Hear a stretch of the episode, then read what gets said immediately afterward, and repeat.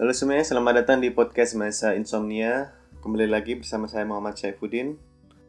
Oke, podcast kali ini akan singkat saja, yaitu terkait pembahasan perbedaan isai LPDP tahun 2021 dengan tahun-tahun sebelumnya. Oke, di sini akan saya bagi menjadi tiga part atau tiga bagian. Yang pertama perbedaannya adalah untuk isai sebelum tahun 2021 itu jumlah karakter pada isai itu tidak dibatasi baik secara maksimum maupun minimumnya. Jadi bebas.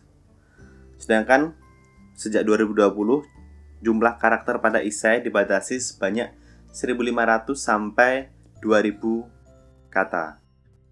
Oke, itu yang pertama.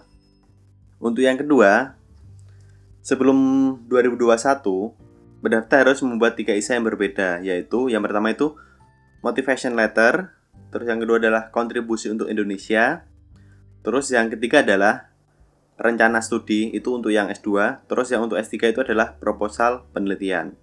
Nah, sedangkan untuk tahun 2021 itu pendaftar itu cukup membuat satu isai yang bertemakan komitmen kembali ke Indonesia dan rencana kontribusi di Indonesia pasca studi. Oke, itu yang uh, part yang kedua. Lalu yang ketiga yaitu untuk isai yang khusus 2021 ini yaitu yang isai komitmen kembali ke Indonesia dan rencana kontribusi di Indonesia pasca studi itu nanti ada dibagi menjadi lima poin. Jadi isainya harus meliputi deskripsi diri, masalah dan solusi, bidang keilmuan dan implikasinya apa. Terus yang keempat, mimpi untuk Indonesia dan kelima adalah perwujudan mimpi.